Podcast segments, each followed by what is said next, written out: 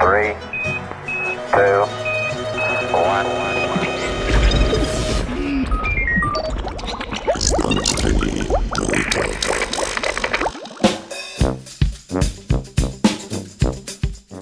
Strup je v plastičnih flašah.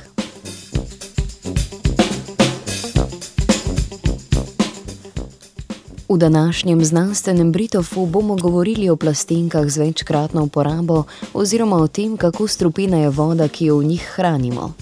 Raziskovalci in raziskovalke z Danske univerze v Kebenhavnu so v reviji Journal of Hazardous Materials objavili raziskavo o prehajanju snovi iz plastenk za večkratno uporabo v vodo, ki je bila shranjena v njih. Zaznali so stotine različnih kemikalij, med njimi tudi veliko takih, ki so škodljive za človeško zdravje.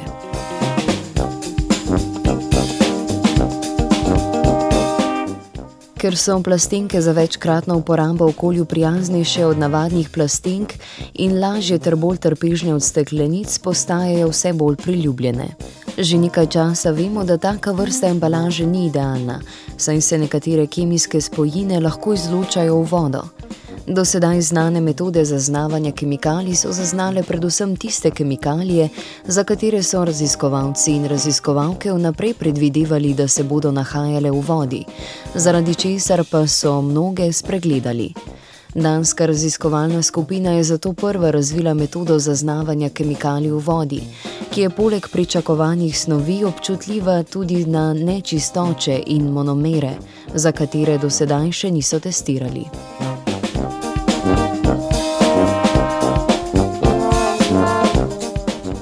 Za zaznavanje kemikalij v vzorcih vode so uporabili masni spektrometer z visoko ločljivostjo. Vzorec so najprej uparili in ionizirali molekule, da so se začele pospešeno gibati proti nasprotnemu polu. Na to so delce po masi ločili glede na različne poti, ki jih različno težki nabiti delci uberajo v magnetnem polju. Iz vzorca, ki ga spojine pustijo na detektorju, računalniški programi razberejo, katere spojine se nahajajo v vzorcu. Med seboj so primerjali vzorce iz plastenk, ki so bile v uporabi eno leto, vzorce novih plastenk in vzorce vode iz steklenih steklenic kot kontrolni vzorec. Poskus so na to opravili še na vzorcih iz plastenk, ki so bile oprane v pralnem stroju.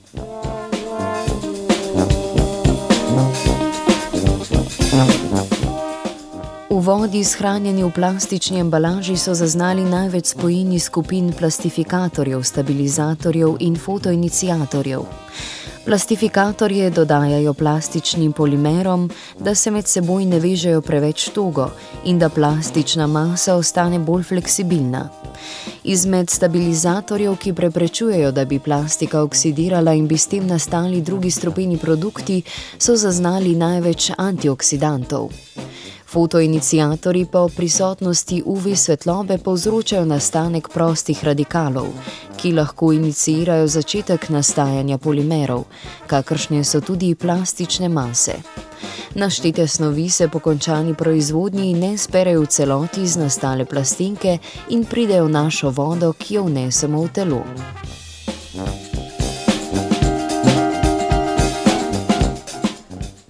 Za veliko večino kemikalij, ki so jih zaznali v literaturi, še ni ustreznih podatkov o toksičnosti, je pa zaskrbljujoča prisotnost fotoiniciatorjev.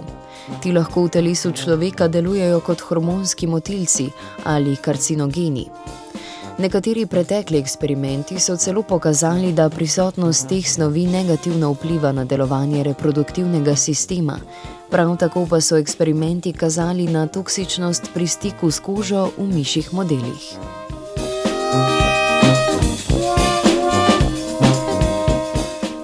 Opisana raziskava sicer ni podala natančnih podatkov o tem, na kakšen način nam lahko škodujejo kemikalije iz plastenk za večkratno uporabo.